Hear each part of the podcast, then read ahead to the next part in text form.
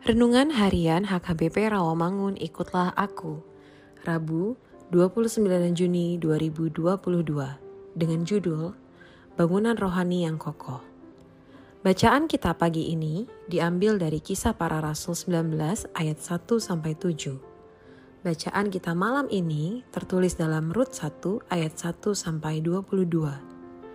Dan kebenaran firman Tuhan yang menjadi ayat renungan kita hari ini tertulis dalam 1 Korintus 3 ayat 10 yang berbunyi, Sesuai dengan kasih karunia Allah yang dianugerahkan kepadaku, aku sebagai seorang ahli bangunan yang cakap telah meletakkan dasar dan orang lain membangun terus di atasnya.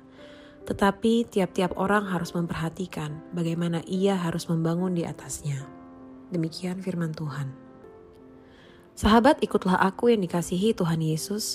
Fondasi suatu bangunan adalah sesuatu yang sangat penting. Tanpa fondasi, bangunan semewah apa pun yang dibangun tidak akan bertahan.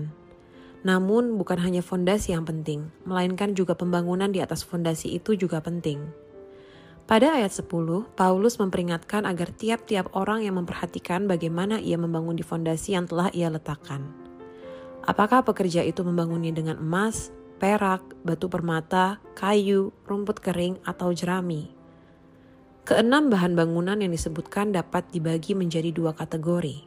Kategori pertama adalah emas, perak, dan batu permata.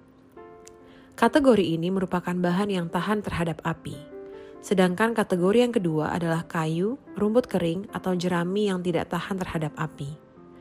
Pekerja yang membangun dengan emas, perak, dan batu permata adalah pekerja yang sungguh-sungguh melakukan pekerjaannya sesuai dengan firman Tuhan. Seorang pekerja yang mengajarkan firman Tuhan dengan sungguh-sungguh membangun jemaat Allah bukan ke arah dirinya, namun ke arah Kristus. Demikian kualitas seorang pekerja berhubungan dengan keseluruhan hidupnya yang sungguh-sungguh dipakai untuk membangun jemaat ke arah Kristus. Bagaimana kita dapat memiliki bangunan rohani yang kokoh dan tidak rapuh? Yesus harus menjadi arsiteknya.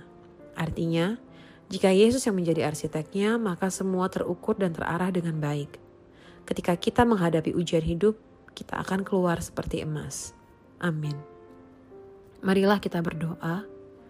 Ya Tuhan Yesus, ajari kami untuk meletakkan iman kepercayaan kami di atas kasih Tuhan Yesus Kristus. Amin.